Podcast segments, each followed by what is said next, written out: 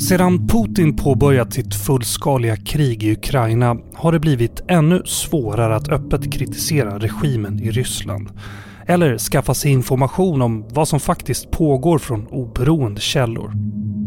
Men de som vill hittar ändå sätt att uttrycka sig och sätt att hitta annan information än den som Kreml förmedlar. Så vad vet ryssarna om kriget? Hur avskurna är de från omvärlden egentligen? Och kan de kritiska rösterna påverka Rysslands framtid?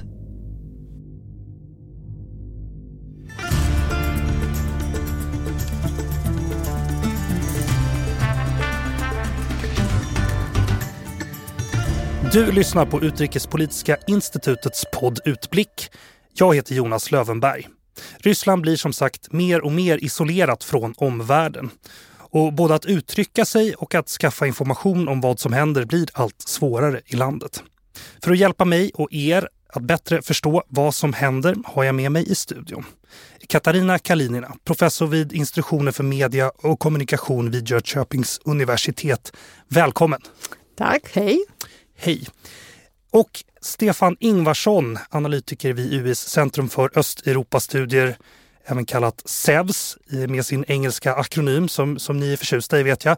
Välkommen tillbaka till Utblick. Tack så mycket. Jag tänkte vi skulle börja här.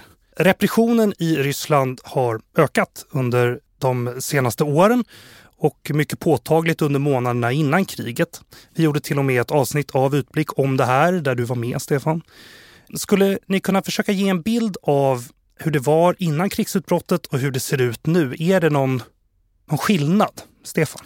Alltså från att den här fasen inleddes i kriget mot Ukraina i februari, så när, när, när det skedde så kan vi titta tillbaka på förra året och se att förra året var en sorts förberedelse. Att det fanns ett, en, det finns en aktiv linje som går mot det här krigs, den här liksom Eh, Eh, intensifierade fasen i kriget. Och det handlar ju framför allt om att man har stängt ner eh, på olika sätt, eh, oskadliggjort alla de noder som skulle kunna generera ett motstånd eller samla ett motstånd. Och det gäller både oberoende medier som har plockats bort ett efter ett och civilsamhällesorganisationer, och den egentligen enda politiska opposition som fanns, nämligen Navalnys antikorruptionsnätverk.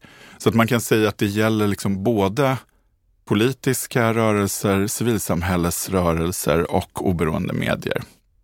Men det finns då en skillnad, finns det ett förut efter krigsutbrottet? För det här har ju pågått upp till krigsutbrottet. Ja, så ja. om det här är upptakten så mm. ser man att krigsutbrottet innebär en, en, en förändring. Tidigare har vi sagt att det inte finns en förhandscensur i Ryssland. Vi har betonat det, att i, i Ryssland så har man i princip aldrig censurerats för någonting som man säger med undantag för lagen mot den så kallade lagen mot homosexuell propaganda eller, eller några andra undantag, utan det är mer så att man har fått problem när man uttrycker åsikter som eh, kanske inte passar makthavare. Och då har det varit andra problem. Man har liksom fått en ekonomisk revision eller liksom blivit utslängd från sina lokaler eller någonting annat. Men det vi ser från februari i år är ju att det har blivit förbjudet att sprida så kallad felaktig information om det här kriget. Det. Och det innebär ju de facto en sorts militär censur, det vill säga det är endast statliga källor som får sprida någon som helst information om det som sker i kriget och runt kriget. Och därmed så tystas ju i princip all oberoende journalistik. Så de oberoende nyhetskällor som inte utsattes för en repression före februari 2022, de har antingen självmant slutat för att de inte längre kan rapportera. Den sista som gjorde, rapporterade på något sätt var Novaya Gazeta, men som började liksom eh, en känd eh, oberoende eh, grävande med liksom granskande tidning som i slutändan publicerade tomma sidor i en sorts protest för att eh, visa bara att här där det är tomt så skulle vår rapportering egentligen ha varit, men vi får inte längre eh, publicera den. Så att vi ser ju att i princip så har hela den oberoende journalistiken flyttat över till en app som heter Telegram. Just det. Mm. Eller Youtube. Och där tror jag Katja kan fylla i mer. Ja, vad säger du? Så vi kan se det som kanske kallas för um, echo chambers. Det är en situation där man hamnar i, i cirkel av personer som har eh, likadana åsikter. Och det betyder att det, eh, dessa åsikter for, förstärkas eh, av de som eh, håller likadana åsikter. Och det leder till en situation där väldigt många eh, får deras eh, åsikter eh, förstärkade av personer som finns omkring och att det finns nästan ingen möjlighet att få och höra andra äh, idéer eller andra åsikter som kanske äh, kan motstå den flöde som man hamnar in. Och det betyder att de som till exempel äh, läser telegramkanaler och de som tittar på äh, officiella äh, medier och tv, de hamnar i två olika läger mm. där det är väldigt svårt att hitta någonting gemensamt eftersom informationen är väldigt olika på dessa två echo chambers som jag pratar om.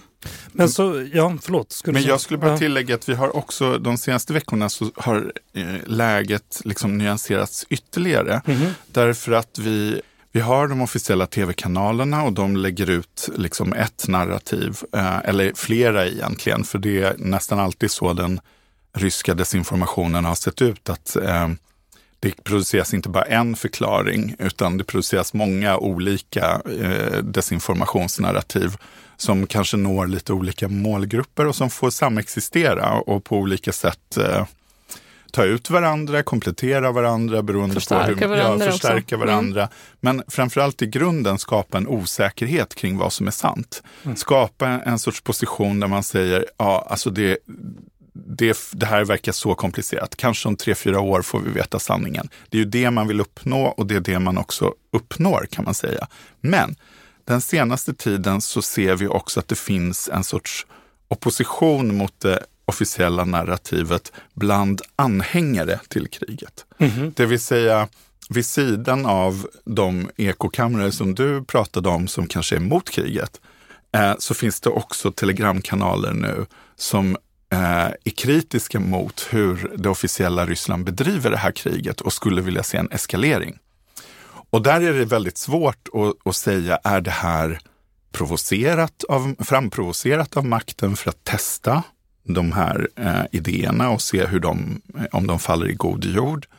Eller är det här på riktigt krafter inom den ryska armén? För det är ofta, de här personerna är ofta veteraner, eh, militärer, militäranalytiker och så vidare. Eller är det verkligen så att det, det inom eh, militären i Ryssland finns en större och växande missnöje med hur man har bedrivit kriget i Ukraina och att man då driver på. Så det, det är intressant för att man ser liksom splittring från lite olika håll just nu och lite olika former av eh, just Telegram och Youtube-diskussioner. Mm. Alltså jag tycker även eh, speciellt när det gäller Youtube och eh, eftersom det finns en jättestor narrativ av de som eh, tittar på tv, det är de som eh, faller eh, offer till eh, propaganda. Men man kan också tänka sig att det är väldigt många som inte tittar på tv och de tittar på Youtube, olika kanaler men även läser telegramkanaler. Men eh, eh, mellan dessa personer kan också finnas anhängare som eh, både stöder eh, kriget men också tycker att det, alltså det, ryska, det ryska regeringen tar rätt eh, väg att följa. Men jag måste fråga då med, med de här olika, alla de här olika alternativen mm. som presenteras här. Vad, vad, vad vet den vanliga ryska medborgaren egentligen om vad som pågår? Alltså, igen, ja, igen, alltså jag skulle säga så här, jag håller inte med dem som säger att informationsflödet är strypt och därför så, så vet inte ryssar vad som sker. Däremot så tror jag att många av dem, jag tror heller inte att vi har en majoritet av eh, den ryska befolkningen som aktivt stödjer det här kriget. Vi har heller inte en majoritet som aktivt är emot kriget. Jag skulle säga att liksom de positionerna, vi kan inte uppskatta dem. Vi har ingen metod just nu för att mäta, utan allt det här är gissningar och liksom eh, bedömningar av olika uttryck som vi kan se. Men min magkänsla, min analys är att vi har en eh, mindre grupp, kanske 20-25 procent av befolkningen som är aktivt emot det här kriget. Också ser att det här har djupgående konsekvenser som i samband med det har en identitetskris kring sin egen ryskhet, som är involverade i diskussioner om vad ett nytt Ryssland, ett demokratiskt Ryssland, ett fredligt Ryssland skulle kunna vara. Vi har någonstans runt en femtedel, 20 procent eller någonting, som är väldigt aktiva i det här kriget. Lite för att de kanske är familjer till stridande soldater, för att de är regionala makthavare som känner ett ansvar för att bära det här narrativet. Det finns människor också som, jag vet inte, det, det här triggar någonting hos mm. dem. De känner på riktigt att Ukraina kanske inte eh, har rätt att existera som en stat och att det är ett misstag att det har blivit så. Och i mitten så har vi en, en massa personer som har tyckt att under de senaste 20 åren av Putins styre så har det varit en ganska bra taktik att titta bort. Att liksom säga, nej men jag ägnar mig inte åt politik. Eller liksom, och i den här stora mittengruppen så, så tror jag att de flesta vet att det pågår ett krig. De flesta vet att man i väst menar att ryssar har begått hemska saker och, i, och att man i Ukraina framförallt menar att ryssar har begått hemska saker mot civilbefolkningen. Man upprepar eller liksom deltar i olika bortförklaringsstrategier. Och det kan vara allt ifrån att säga just det här som vi var inne på tidigare. Vem vet egentligen vem som har dödat de här personerna i Butja? Det kan vara en strategi. Den andra strategin är att just fokusera på att även våra soldater, de kommer från fattiga områden och de, eh, menar, hur, nu dömer ukrainarna dem för krigsbrott. De är också offer, vi är kanske alla offer vem kan säga vem som har rätt och fel i allt det här? Vi alla, det här är... Och då kan de säga sig, jag är emot kriget, det är hemskt att det här äger rum. Men, men vägrar att liksom ta konsekvenserna till att det, det är en oprovocerad attack på ett fredligt grannland mm från Ukraina. Alltså, man kan säga att det är olyckligt att det har blivit, jag är emot det här fruktansvärda som händer. Men och så skrapar du på ytan så jag säger ja, men det kanske inte var helt oprovocerat och mm. Nato kanske egentligen ville anfalla Ryssland. Ja, så, så jag tror med den här långa kartläggningen så vill jag någonstans bara visa att vi har liksom två ytterligheter och väldigt mycket förhandling däremellan. Mm, ja, jag håller med eh, är Staffan faktiskt. Eh, och jag tycker att det är också eh, alltså, väldigt viktigt och intressant både att prata med dessa människor som, eh, som befinner sig där i mitten mellan två olika grupper.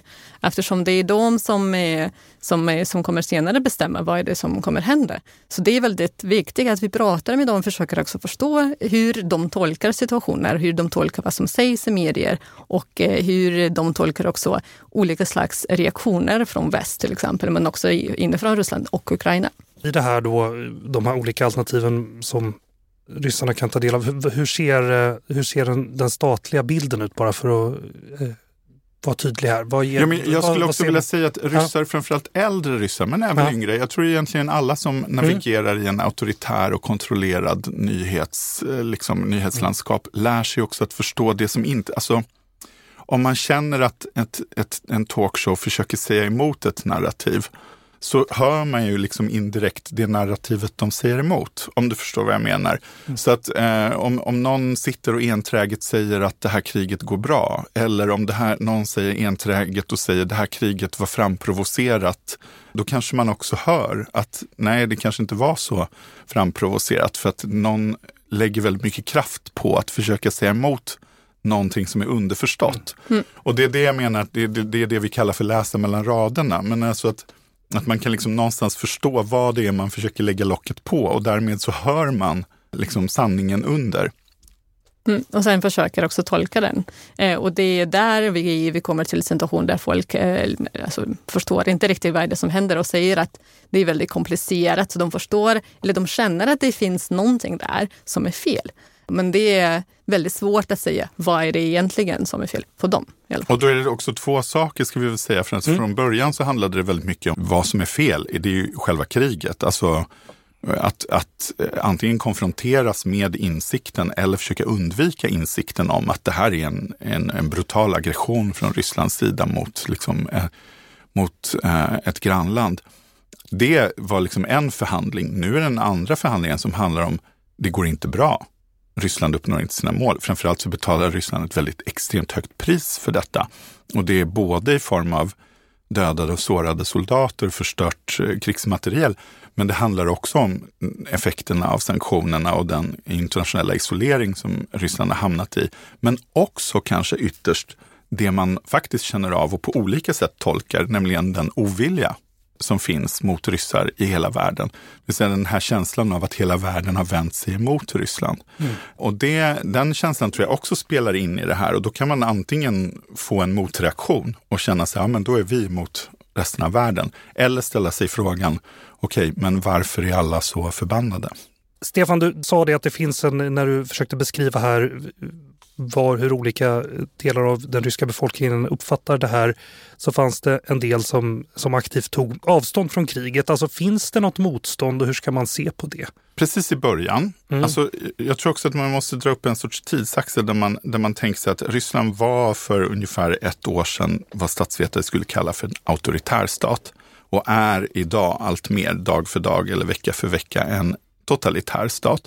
Och i en auktoritär stat så är det okej okay att uttrycka eh, avvikande åsikter eller visa en teaterföreställning som är kritisk eller någonting sånt.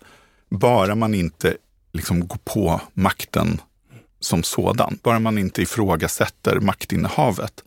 Men en totalitär stat, den, det är ju den som radar upp sina skolelever och studenter i långa rader som skriker slagord. Det är den som kräver att man aktivt demonstrerar sitt samtycke och sitt godkännande och sitt stöd för regimen.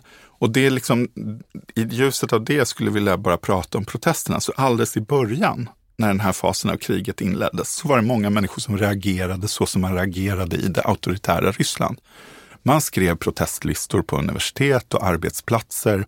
Eh, det var ändå några, inte jätte, man ska inte överdriva, det var inga massdemonstrationer jämfört med vad vi har sett de senaste tio åren. Men det var, det var ändå betydande demonstrationer, folk gick ut på gatorna. Det här slogs ner jättehårt. Och man införde jättehårda straff.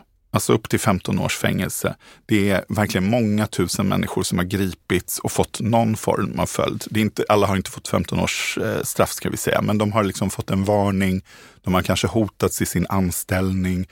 Eh, många, Förlorade jobbet. Ja, förlor, eller förlorat jobbet, precis. Och Idag så är protesterna inte synliga. Idag måste man liksom tänka sig att det här, ett, ett sorts mörker har fallit och där protesterna mer handlar om att kanske hålla hoppet uppe med ett klistermärke, med graffiti, med liksom små... Tyst protest. Ja, med mm. tysta protester. Jag vet inte vad du säger Katja, hur, hur det här ser ja, ut. Ja precis, du, när vi pratade innan här så nämnde du till exempel då tysta protester. Vad är det för någonting? Hur fungerar det? Alltså, precis det som, eh, som Stefan eh, säger faktiskt. Att det, eh, eftersom det är väldigt svårt att vara väldigt synlig nu på gatorna, då folk försöker att ta mindre steg Eh, och ehm, försöka att vara alltså, mindre synlig men fortfarande väldigt, väldigt synlig i eh, den här stad, stadsmiljö genom graffiti och olika street art som kanske målas över väldigt snabbt. Men eh, den fortfarande ehm, kommer in i medieflödet på Instagram som folk fortfarande använder oavsett att det är nästan förbjudet i Ryssland. Eh, eh, men det är också väldigt många små grejer som man kan hitta ibland om man har sina ögon öppna. Klistermarker, eh, alltså små figurer som kanske står någonstans i stad där man kan läsa att Eh, folk är emot kriget till exempel. Eh, men det finns också andra eh, intressanta former av protest och det är, det är det som jag tänker är väldigt intressant och det är därför kanske vi behöver tänka över lite grann eh, civilsamhälle, eh, civilstrukturer i Ryssland även, även innan kriget. Man brukar tänka sig att det civilsamhälle med väldigt stark civilkultur är det samhälle som protesterar, går på gatorna hela tiden. Men i Ryssland, även innan kriget, var det ibland väldigt svårt att göra. Och man också kunde få straff och sitta i fängelse. Vi, vi kommer ihåg 2011 och 2012 protester och sen när Navalnyj kom tillbaka. Så då folk började vänja sig med andra modeller. Och det är kanske någonting som ligger väldigt nära man fortfarande kan vara en aktiv medborgare men och försöker att uh, försvara det som, som, som finns nära, nära kroppen till exempel. Gården, trädgård eller kanske protestera mot stadsdestruktion. Eller till exempel man kan tänka sig att det går in i olika grupper där man försöker att uh, försvara kulturarv.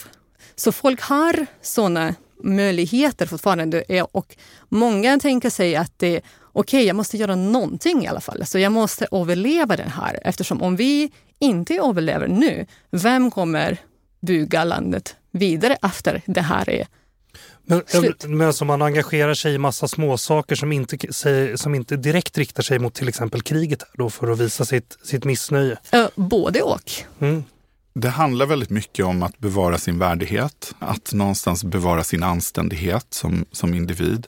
Men, men eh, det handlar ju också om att hålla andan uppe. För liksom ett klistermärke eller en graffiti, det är ju något folk ser på väg till jobbet och så ser man, jag är inte ensam. Och det är väldigt viktigt. Du ser att det pågår någonting. Och det är också små sabotage. Och sen ska vi också, jag ville gå tillbaka till den här eh, bilden av att Ryssland rör sig från ett auktoritärt till ett mer totalitärt mm. samhälle. För sen i det här totalitära samhället så har ju den här bokstaven Z då blivit en, en, en symbol. Den lat, latinska bokstaven Z, väldigt paradoxal symbol för det liksom eh, ryska. För det är en bokstav som inte finns i det kyrilliska alfabetet. Men den har ju blivit en, en, en symbol för att man stödjer den här krigsinsatsen. Och det vi ser nu, det är ju också inte bara att det står nej till kriget eller mm, åt helvete med kriget, utan att man punkterar däck på bilar som har en eh, Z. Att, målar eh, över den. Målar har... över Z. Att makthavarna försöker tvinga artister att uppträda med ett Z bakom eh, sig på scenen. Det vill säga de kommer till scenen och så hänger det ett Z där de ska spela. Och då finns det de som spelar och så de finns det som... de som ställer in. Mm. Och ibland ställer de in för att de säger att de inte vill spela framför ett säte och ibland så får de plötsligt ont i halsen. Det finns liksom massa olika mm. Eh, strategier. Men det, det viktiga är ju, det är inte bara protester mot kriget utan det är också hur man förhåller sig till den här påtvingade plikten att delta i stödet. Hur ser förutsättningarna ut för utländska reportrar att rapportera inifrån Ryssland nu? Jag har precis eh, varit i Luleå på eh, Gräv 22 med, med en del svenska korrespondenter och eh, lyssnat på hur det ser ut för dem som faktiskt försöker rapportera från Ryssland just nu. Anna-Lena Laurén har också skrivit eh, bra om det här i Dagens Nyheter. Och det handlar ju om att tidigare så kunde man få längre akkrediteringar, åtminstone ett år. Nu är alla akkrediteringar på tre månaders basis det är enorma processer, mycket byråkrati som går åt till att förnya. Men det handlar ju också om att de ryska myndigheterna eh, inte behöver slänga ut en obekväm journalist utan man förnyar bara inte akkrediteringen efter tre månader. Och på det sättet så kan man få bort obekväma röster.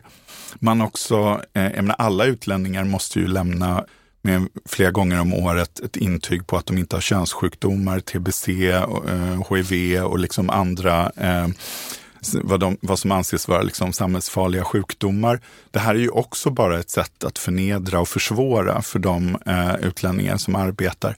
Så att det har också varit så att de svenska nyhetsmedierna drog tillbaka, Sveriges Television och Sveriges Radio och DN drog tillbaka sina korrespondenter under en kort tid när det blev förbjudet att använda ordet krig i förhållande till det Ryssland vill ska heta en specialoperation i Ukraina. Och då handlade det om att man ännu inte visste om det här bara gäller ryska medborgare eller om även en svensk korrespondent som använde ordet krig i sin artikel eller radiorapportering kan hamna i ett ryskt fängelse. Nu är liksom rapporteringen tillbaka, men vi är på en sorts otroligt skakig mark där jag bara vill betona att det är en jättestor risk för de som rapporterar från Ryssland idag. Därför att de är på ett, i en juridisk gråzon där det är mm. väldigt oklart vad de får och inte får göra. Apropå det här med ordet krig, man ska ju säga specialoperation som du sa. Vad, vad, vad får man säga? Hur går det att prata om det som händer i landet? Det är faktiskt väldigt svårt uh, att prata om det eftersom, uh, alltså helt enkelt går det inte att säga eh, kriget. Så till exempel om man eh, lyssnar på medier eller tittar, tittar på Youtube-kanaler, de flesta journalister brukar tona ner ordet om någon av eh, eh, personer som är inbjuden till program säger det.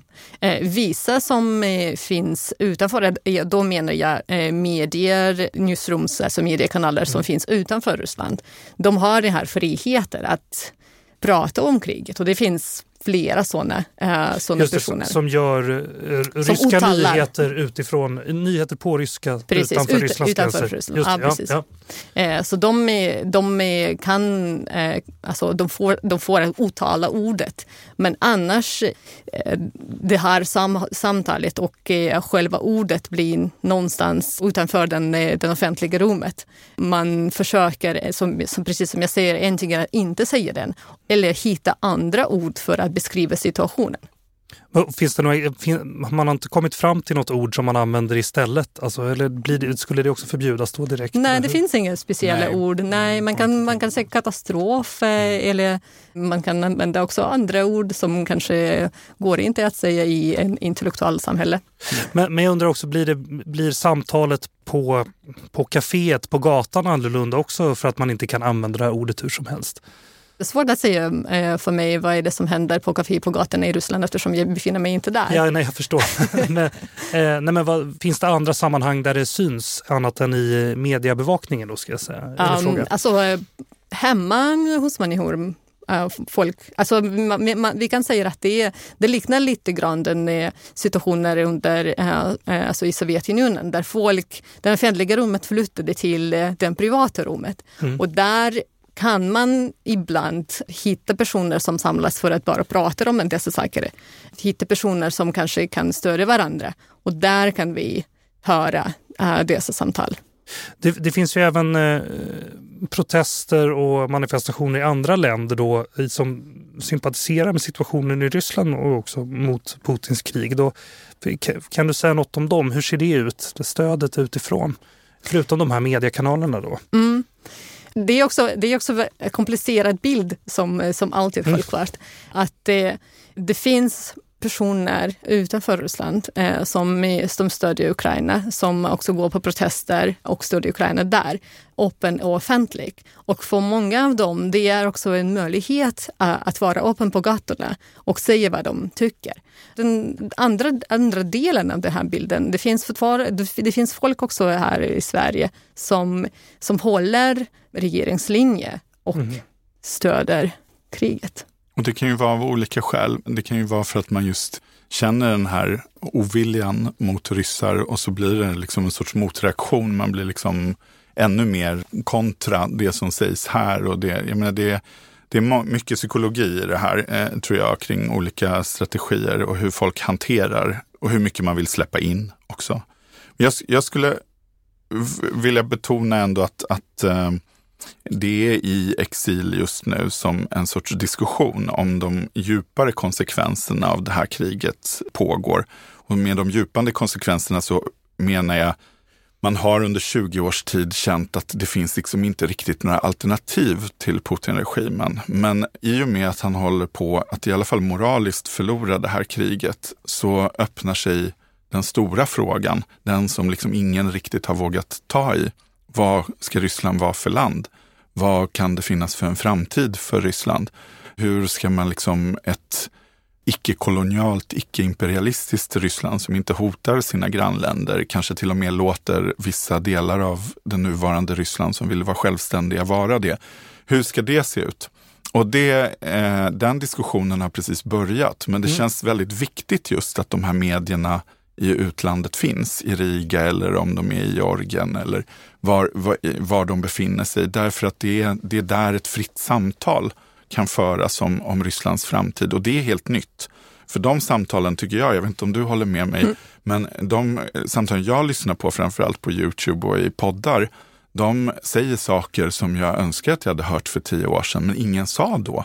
Och nu så plötsligt så är det som att alla illusioner har rämnat och eh, det finns inget sätt att rädda den här regimen. Moraliskt är den liksom havererad. Och då, var, då, då kan den här diskussionen bli möjlig. Mm. Nej, jag håller med dig. Va, va, vad säger... Men, men det, det, låter ju, det här låter ju som ett uppenbart hot mot den regimen som finns. Då. Hur, hur tacklar de de här samtalen? Går det att säga något om det? Ja, men frågan är just om det är de som är det största hotet eller, eh, eller de som säger vi ska kriga mot Ukraina men varför gör ni det så himla inkompetent och varför har vi inte mobiliserat och varför har vi inte satt in en armé på en halv miljon och varför har vi inte bombat sönder Kiev och varför har vi inte dödat Zelensky? Så frågan är ju liksom vem som är, vilken opposition som är farligast mm. egentligen. Och sen också vad, alltså vilken framtid vi vill, vi vill se eftersom det handlar inte, alltså, det handlar inte bara om, om Rysslands regering men det också handlar om Ryssland. så. Mm. Vi, vi började i samtalet prata lite om det, men hur kunskapen skiljer sig åt då och även åsikterna i kriget. Finns det olika samhällsgrupper och i olika åldersskikt man ser skildrandena på vad folk tycker? Alltså, om, man, om man tittar på, på Rysslands befolkning, man kan se att det kanske finns eh, mycket mer personer under, alltså, säg till exempel plus, alltså, plus 65, 60 som, eh, som kan vara lite mer positiv mot kriget. Men det, men det kanske även inte mot kriget, men att man försöker att ta en stark ställning mot eh, alltså den globala världen och det hotet som folk tycker att kanske finns från, från väst och Nato. Men det har antalet av personer som stöder den här hårda, eh, hårda positionen minskar om man tittar på personer som är mycket yngre och som också reste utlandet, som, är, eh, som har utbildning och så vidare. Men det, det är också väldigt svårt att säga eftersom om man tittar till exempel på på lön, hur mycket man tjänar och eh, hur många personer eh, finns inom eh, den här andelen av personer som tjänar mycket pengar. Där kan man se att stödet är mycket högre, men det kanske kan vara på grund av att det är de som tjänar mer pengar i Ryssland är också de som jobbar för staten och det är olika officerer till exempel eller eh, personer som jobbar statligt. Jag skulle också säga att det finns eh, regionala skillnader och, det, och de har att göra med väldigt mycket att jag menar, det här kriget är ett eh, imperialistiskt krig. Det är ett krig som ifrågasätter en, ett folk som har ett eget språk eller har eller kanske in, inte har ett annat språk, har samma språk men har en annan upplevelse av vem de är och liksom en gemensam framtid som ukrainare. Men det finns ju också eh, vart femte, minst vart femte rysk medborgare har också en annan etnicitet än slavisk. Ungefär var tionde är muslim. Det, det liksom finns en stor variation. Och många av de här regionala, tidigare autonoma eh, republikerna har också en känsla av att det här kriget ytterst också handlar om dem. Att den här centraliseringen och den här nya, mer totalitära staten, den kväser även dem. För det har ju i praktiken varit så att minoritetsspråk har fått en mycket eh, försvagad ställning och det regionala självstyret i princip avskaffat. Och det är kanske inte på ytan, för jag tror skulle man ringa upp människor i en liten region som Udmurtien, där man talar udmurtiska, ett finsk språk, så kanske majoriteten inte säger att de är emot kriget när någon främmande människa ringer upp. Men vi ser just nu i deras huvudstad Izjevsk att det händer mycket saker. Just de här sakerna som, som du Katarina var inne på tidigare. Små protester, små sabotage, små uttryck som hela tiden ger en känsla av att det, det rör sig under ytan. Det finns ett motstånd. Och i eh, Rysslands fjärde största stad, Jekaterinburg, som är en stor industristad i Uralbergen och som traditionellt är centrum för man ska säga, fri, lite mer liberalt tänkande i, i Ryssland.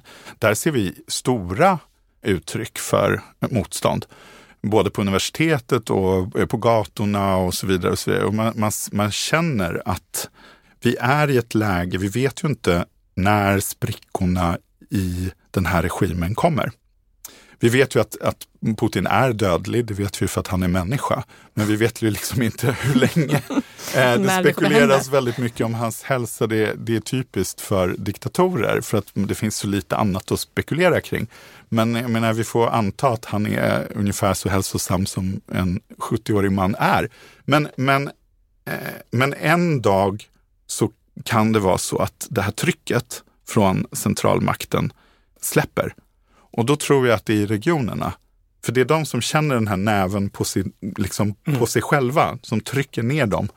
Det är där de kommer känna om trycket plötsligt blir svagare. Och då kommer vi se eh, att en lokal ledare kanske bygger en politisk plattform eller man skapar egna lokala narrativ eller uttrycker missnöje.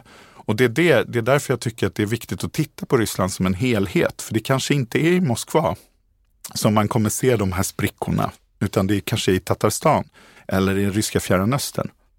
Men jag tycker att det är också intressant faktiskt här att tänka på vem är de som strider Eh, i kriget. Det är väldigt många personer som kommer från regionen. Och den situationen är väldigt, också, väldigt komplicerad just nu eftersom man kan tänka sig att det är inte så mycket pengar som under de senaste 20 åren eh, gick till regioner. Och där är det de mest fattigaste personer som finns, som har ingenting att förlora, som har inga pengar, de har inga eh, sparpengar till exempel. Och det är också de som känner sig mest emot kriget eftersom de, här, de kommer förlora mycket mer än eh, alla andra. Så det, det är också därför det är intressant att titta på, på regionerna. Vi var inne på tidigare att det är många som har lämnat landet på grund av den rådande situationen. Alltså, kan man säga något om hur många och, och hur aktiva är de? Det finns många olika siffror som, eh, som går eh, runt från eh, ett par hundratusen till nästan en miljon personer. Så det är väldigt svårt att säga just nu eftersom det finns folk som... Det är inte så att folk åker och säger att okej, okay, jag kommer söka asyl någon annanstans. Folk kanske kan säga att de åker på semester och sen blir dessa semester lite längre än de brukar vara. Men kanske de senare kommer tillbaka efter två, tre månader eller efter ett halvår. Så det är väldigt svårt att prata om alltså, siffror, men man kan åtminstone säga, prata lite mer om demografi av dessa personer. Mm. Att det är personer som, det, som jobbar med IT, det är väldigt många programister som har nästan ingen, inga möjligheter just nu att jobba i Ryssland eftersom det finns inga IT-varor som de kan använda. Väldigt många stora företag som brukare eh, äh, använda ryska IT-tjänster, de vågar inte göra det. Och det betyder att de som vill fortsätta jobba i, i, i IT-industrin, de måste åka någon annanstans för att fortfarande arbeta. Sen det finns också forskare och studenter som som eh, lämnar landet och försöker att eh, hitta jobbet någon annanstans om det finns sådana möjligheter. Det är också personer från kulturindustrin, många från medier och PR eftersom det är också väldigt svårt nu att jobba med PR och medier. Det är väldigt många stora företag som har lämnat Ryssland. Eh, det går inte längre att jobba med reklam. Så då förlorar de jobbet. Så det finns också den ekonomiska moment i i uh, den utresande. Jag, jag håller med i den beskrivningen. Jag skulle lägga till att många medelklassfamiljer också har skickat sina yngre alltså, söner i åldern 18 till 25 för att man är rädd för en mobilisering mm. uh, utomlands. Det, det är jättesvårt att uppskatta. Det, det, finns en siffra på någonstans 300 000 som brukar figurera. Men eh, som sagt, som, som Katarina sa, det är ju, folk har ju lämnat ofta på turistvisum och det finns mm. många länder där en, en rysk medborgare kan eh, vistas ett, upp till ett år utan att eh, behöva registrera sig, så det är svårt att veta. Sen är det ju också så att vissa har återvänt. Det är väldigt svårt att äh, sitta i Armenien eller Georgien när du inte kan ta ut pengar på dina bankkort, för det är ju det, de problemen som har uppstått du kanske inte hittar ett jobb, du kommer inte vidare, du kanske hoppades kunna ta dig in i EU på något sätt, men det, du kan inte det. Och, och eh, man trodde kanske att det skulle bli mobilisering och massa andra saker och sen så förändringarna vi pratar om i Ryssland, de sker ju långsamt. Mm. På sätt och vis är ju väldigt mycket som vanligt. Mm. Så jag känner ju också folk som har återvänt för att göra klart sina studier eller för att sälja sin lägenhet eller för att se sig om efter ett bättre alternativ. Så det här går ju liksom lite fram och tillbaka. Mm. Men vi ska också komma ihåg att ett vanligt år de senaste tio åren lämnar mellan en halv miljon och en miljon ryssar mm. Ryssland. Alltså unga utbild, den här så kallade brain drainen, den har ju pågått jättelänge. Jag tänkte eh, fråga om en annan sak här. För, för att förlust, de ryska förlusterna måste ju börja märkas eh, hos befolkningen på något sätt. Så jag tänkte ta ett exempel här. I en intervju med The Guardian som publiceras den 17 maj så pratar en reporter med en rysk kvinna vars värnpliktiga son var ombord på flaggskeppet Moskva när hon sänktes i Svarta havet i en ukrainsk raketattack för ja, det är ett antal veckor sedan vid det här laget. Och när, när reporten pratade med henne så försökte hon fortfarande få besked om vad som egentligen hade hänt hennes son. Men utan framgång.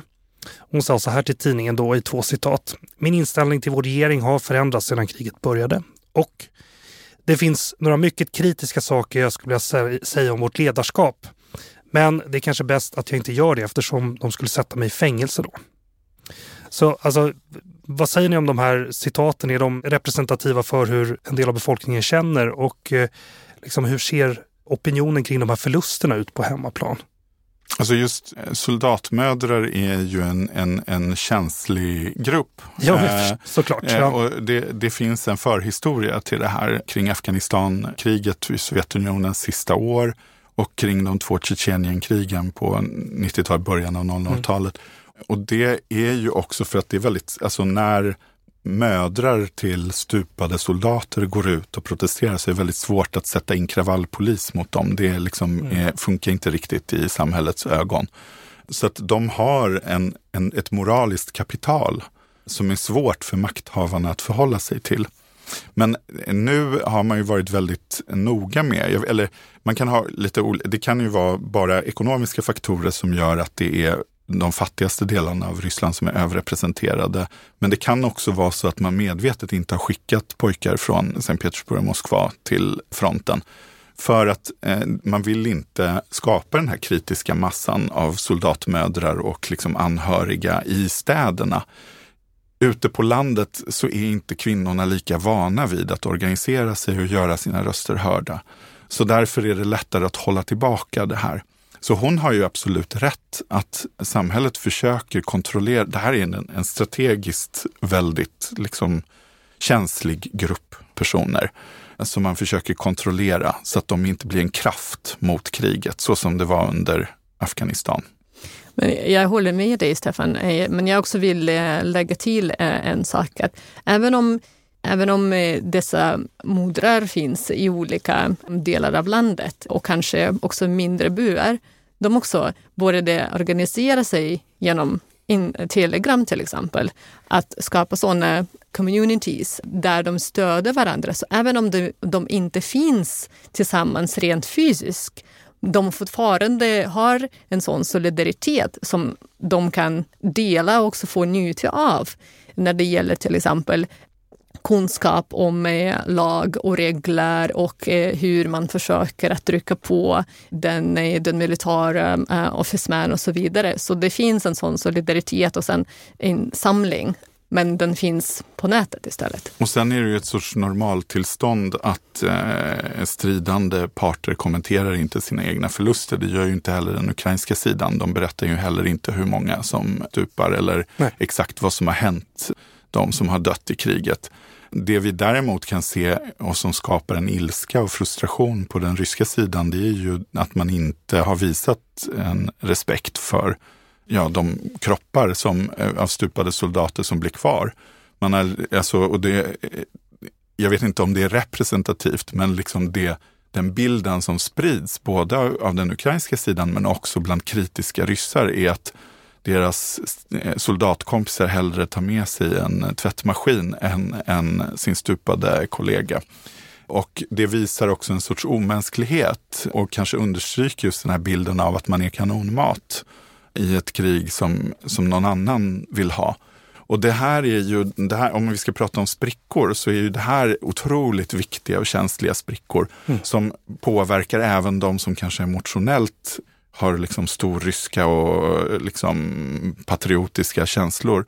För att konfronteras man med den här hänsynslösheten inför de egna soldaterna, då, då, då kan man gå in i någon sorts liksom emotionell ja, man ska säga kris som leder till en annan, alltså att man, man slutar vara lojal med makten. Jag tänkte vi skulle säga något om konsekvenserna av isoleringen av Ryssland, alltså både hur Ryssland har stängt sig och hur landet isoleras genom bojkotter och sanktioner. Alltså, men vi måste börja så här då. Hur avskärmat är Ryssland nu då egentligen?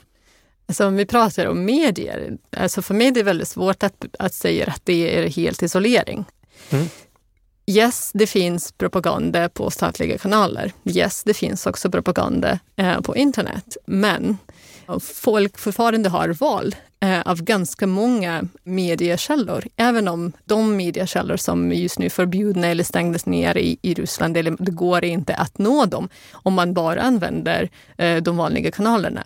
Det finns VPN i Ryssland och det finns väldigt många olika möjligheter att få den. Det finns många olika source of VPN. Så det, för mig i alla fall, det handlar väldigt mycket om vilja att försöka att gå ut från sin egen filterbubbla och eh, höra andra röster också. Och det handlar väldigt mycket, tycker jag, om medievanor som folk har. Så om man är väldigt van att titta på tv varje dag så kanske man fortsätter att göra det. Så då blir det väldigt svårt för, för folk att börja till exempel titta på Youtube. Men om det finns i familjen någon som, som tittar på Youtube, lite kanske yngre generationen, de börjar diskutera dessa frågor. Så då får man också möjlighet att ifrågasätta eh, dessa narrativ. Så jag kan inte säga att det är, Ryssland är helt isolerat när det gäller medier.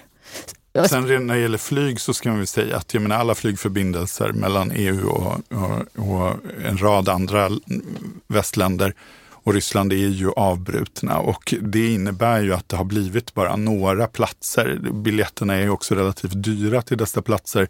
Det är några platser dit genom vilka man kan ta sig in och ut i Ryssland med flyg och det är Istanbul och det är Georgien och det är Armenien och det är Dubai framför allt som, som spelar de här rollerna. Så man har nog också en stor upplevelse av att vara isolerad för att den ryska medelklassen har åkt väldigt mycket på semester och rest mycket. Det är en liten procent, men det är en, en tongivande procent av det ryska samhället. Så jag tror en, en känsla av att gå runt på shoppingcenter där alla utländska varumärken har stängt sina butiker mm. ger ju också en känsla av att Alltså, det kom en lyftkran och plockade ner McDonalds-skyltarna. Mm. Det, nu spreds det memes på en lyftkran som plockade bort Dzerzjinskij, grundaren av den eh, sovjetiska säkerhetstjänsten och sen en annan lyftkran som plockade bort McDonalds. Och det är klart att man får liksom ett, en en känsla av att, ja. att Ryssland har lämnat den globala gemenskapen. Mm. Men det finns också mm. intressanta vägar och jag skulle vilja gärna se hur de utvecklas. Så om man tänker till exempel på den finansiella sidan, att det, det går inte längre att, att eh, köpa, alltså betala med ryska kort eh, för olika Apple-appar och så vidare. Men det finns vägar. Man kan åka till Belarus, till Minsk till exempel nu och öppna ett eh, kreditkort där i Minsk bank och sen betala för sina tjänster med en belarusisk kreditkort. Eller åka till Uzbekistan. Mm. Det finns även sådana alltså resor, man, alltså resebyråer säljer sådana resor. Man kan eh, skapa, sin, alltså skapa en bankkonto och sen eh, bankkort för att betala. Men det här med att man plockar ner McDonalds-skyltar och sånt där, Apple stänger ner tillgången till appar och sånt där. Det är även tv-leverantörer av liksom kulturellt innehåll, populärkulturellt innehåll då som, som stänger ner. Alltså, hur påverkar det ett folk då? Liksom förlorar man sin plats i någon typ, någon typ av globalt sammanhang där? Vad, jag, jag, det är så svårt för jag kan ju bara säga det jag ser just på Youtube-kanaler där man går runt och pratar med unga ryssar i olika städer och, de ja. säger, och unga tjejer och unga killar som säger ja, jag saknar verkligen mitt Spotify eller ja, det är varför det suger att inte ha Netflix. Absolut. Eh, det, men, men samtidigt så finns det många som säger, ja, nej, men jag går in på v Facebook med min VPN, men märker mer och mer att varför har jag egentligen Facebook? Det är helt onödigt. Så jag tror vi har, vi har väldigt, det är väldigt svårt. Vi är mitt mm. inne i en så stor förändring så det är svårt. Vi får blicka tillbaka till, på det här om ett par år tror jag. Ja, då får ni komma tillbaka hit så får vi titta på det. Det låter spännande. Okej, då ska vi titta framåt då. De här förändringarna då, utan att spekulera, men jag undrar liksom hur permanenta är de här förändringarna eh, som, som skett? Vi har ju pratat om olika saker här. Alltså, till exempel då den ökade repressionen. Är, är det, kommer det förbli så här eller vad, vad tror ni? Alltså det är väldigt kopplat till vad omvärlden ser som en öppning. Alltså mm. är, är sanktionerna och omvärldens isolering av Ryssland kopplade till Putin-regimen och till de eh, förmodade krigsbrott som håller på att utredas just nu. Det vill säga, är det helt enkelt omöjligt att tänka sig att eh, den ryska regimen får en omstart, även om det skulle bli eh, eldupphör på marken i Ukraina på något sätt? Handlar det om att Ryssland måste lämna allt ukrainskt territorium? Det, är liksom, så vi, vi, det här är ju inte någonting, väst har ju visat en enorm enighet hittills vad gäller mm. sanktioner, reaktioner, stöd till Ukraina. Men vad, liksom, vad man ser som ett mål här eh, finns, ser vi ju med all tydlighet att det inte finns en enighet kring Nej. bland västs ledare. Så det är lite svårt att säga vad vi pratar om egentligen.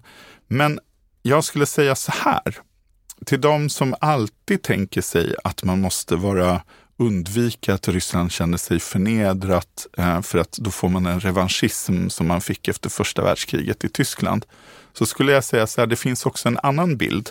Alla positiva framsteg för det ryska samhället har börjat med militära nederlag.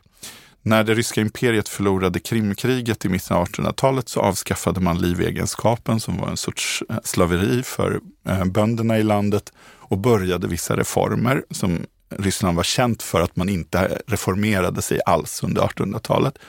När man förlorade kriget mot Japan i början på 1900-talet så införde man för första gången en grundlag och ett parlament när man förlorade första världskriget så demokratiserades Ryssland för första gången i den så kallade februarirevolutionen som många inte kommer ihåg för att bolsjevikerna sen lite senare samma år tog makten i en kupp. Men när man förlorade kriget i Afghanistan så, förlorade, så föll Sovjetunionen och Sovjetsystemet till slut samman. Så att man kan också se en sorts liksom, kronologi där eh, det ryska samhället har vunnit när deras ledare har förlorat krig. Spännande, det, får vi se hur det går med det. Vill du säga något om det? Alltså jag tycker att det är bra, bra slut på. Ja, jag, har, jag har en fråga till, men vi får se vad som blir jag, jag, var, jag var glad att höra att du är så positiv. Då får jag ställa min avslutande fråga nästan i samma, som en fortsättning på ditt svar där. Alltså, ponera att kriget tar slut och sanktionerna hävs imorgon. Liksom, hur lång tid skulle det kunna ta för ett Ryssland att återgå till hur landet såg ut innan kriget? Jag jobbar någonstans i huvudet med någon sorts tanke om att har man en gång rullat ut en totalitär repression så är det väldigt svårt att ta tillbaka den. Mm. Sen så kan man se när du tittar på ett land som Iran så kan man säga att det har, liksom fluktuerar och eh, repressionen kan tillta eller släppa. Men det är väldigt svårt att tänka sig Alltså till slut måste även Iran få sin Gorbatjov som liksom öppnar och eh, skapar perestrojka och då sker en långsam demokratisering. Kanske någon liknande process på Kuba. Men vi kan också, alltså att Putins, att han, om han skulle dö till exempel, att det nödvändigtvis gör att systemet försvinner. Det säger ju till exempel Iran eller Kuba emot som exempel. Mm. Vi skulle också kunna ja. tänka oss att det här fortsätter i tio år till och att det blir lite som Sovjetunionen under Brezhnev. Det bara blir en sorts stagnation tills någonting till slut händer. Och, det är ju det som är det sorgliga, för jag tänker på alla eh, liksom relativt unga ryssar jag känner. 30-åringar, 35-åringar som har byggt eh, små företag eller eh, skaffat sig, ofta stannat i sina regioner, bor i olika, eh, inte flyttat till Moskva, inte flyttat utomlands, tänkt att de ska bygga Kazan, Samara, Perm, Jekaterinburg. Och nu har deras framtid stulits ifrån dem. Alltså jag håller med dig Stefan när det gäller just den där totalitära banan som man är redan på. Det är väldigt svårt att ta den tillbaka och eh, ta bort restriktioner. Man kan se det med covid-restriktioner också. Alltså staten blir väldigt van att eh, kontrollera folk ännu mer för att kanske eh, bygga upp bättre system för sig själv. Men eh, jag känner att det, det finns fortfarande väldigt många som, precis du säger Stefan, i olika regioner, men även de som flyttade utomlands som sitter och väntar nästan och vill, precis som Ukraina, gå tillbaka och försöker att jobba med landets framtid. Eftersom för många det var faktiskt en hel del av deras liv. Att försöka att skapa ett samhälle som, som de kommer trivas i. Och det kan vi väl säga om Belarus också. Så det är liksom tre länder där det finns väldigt många unga välutbildade människor redo att bygga upp sitt, sitt land igen. Vad trevligt att sluta på något eh, hoppfullt faktiskt. Det är Katarina Kalinina, professor vid Jönköpings universitet, Stefan Ingvarsson, analytiker vid Centrum för Östeuropastudier, SEVS. Stort tack för att ni kom. Tack så tack. mycket. Nu har du lyssnat på Utblick en podd från Utrikespolitiska institutet. Glöm inte att trycka på prenumerera-knappen i appen där du lyssnar på oss. Vill du veta mer om UIs arbete och omvärldsbevakning? Titta in på ui.se. I kontrollrummet idag sitter August Bolin. Vår vignett är komponerad av Friden Frid. Jag heter Jonas Lövenberg. På återhörande.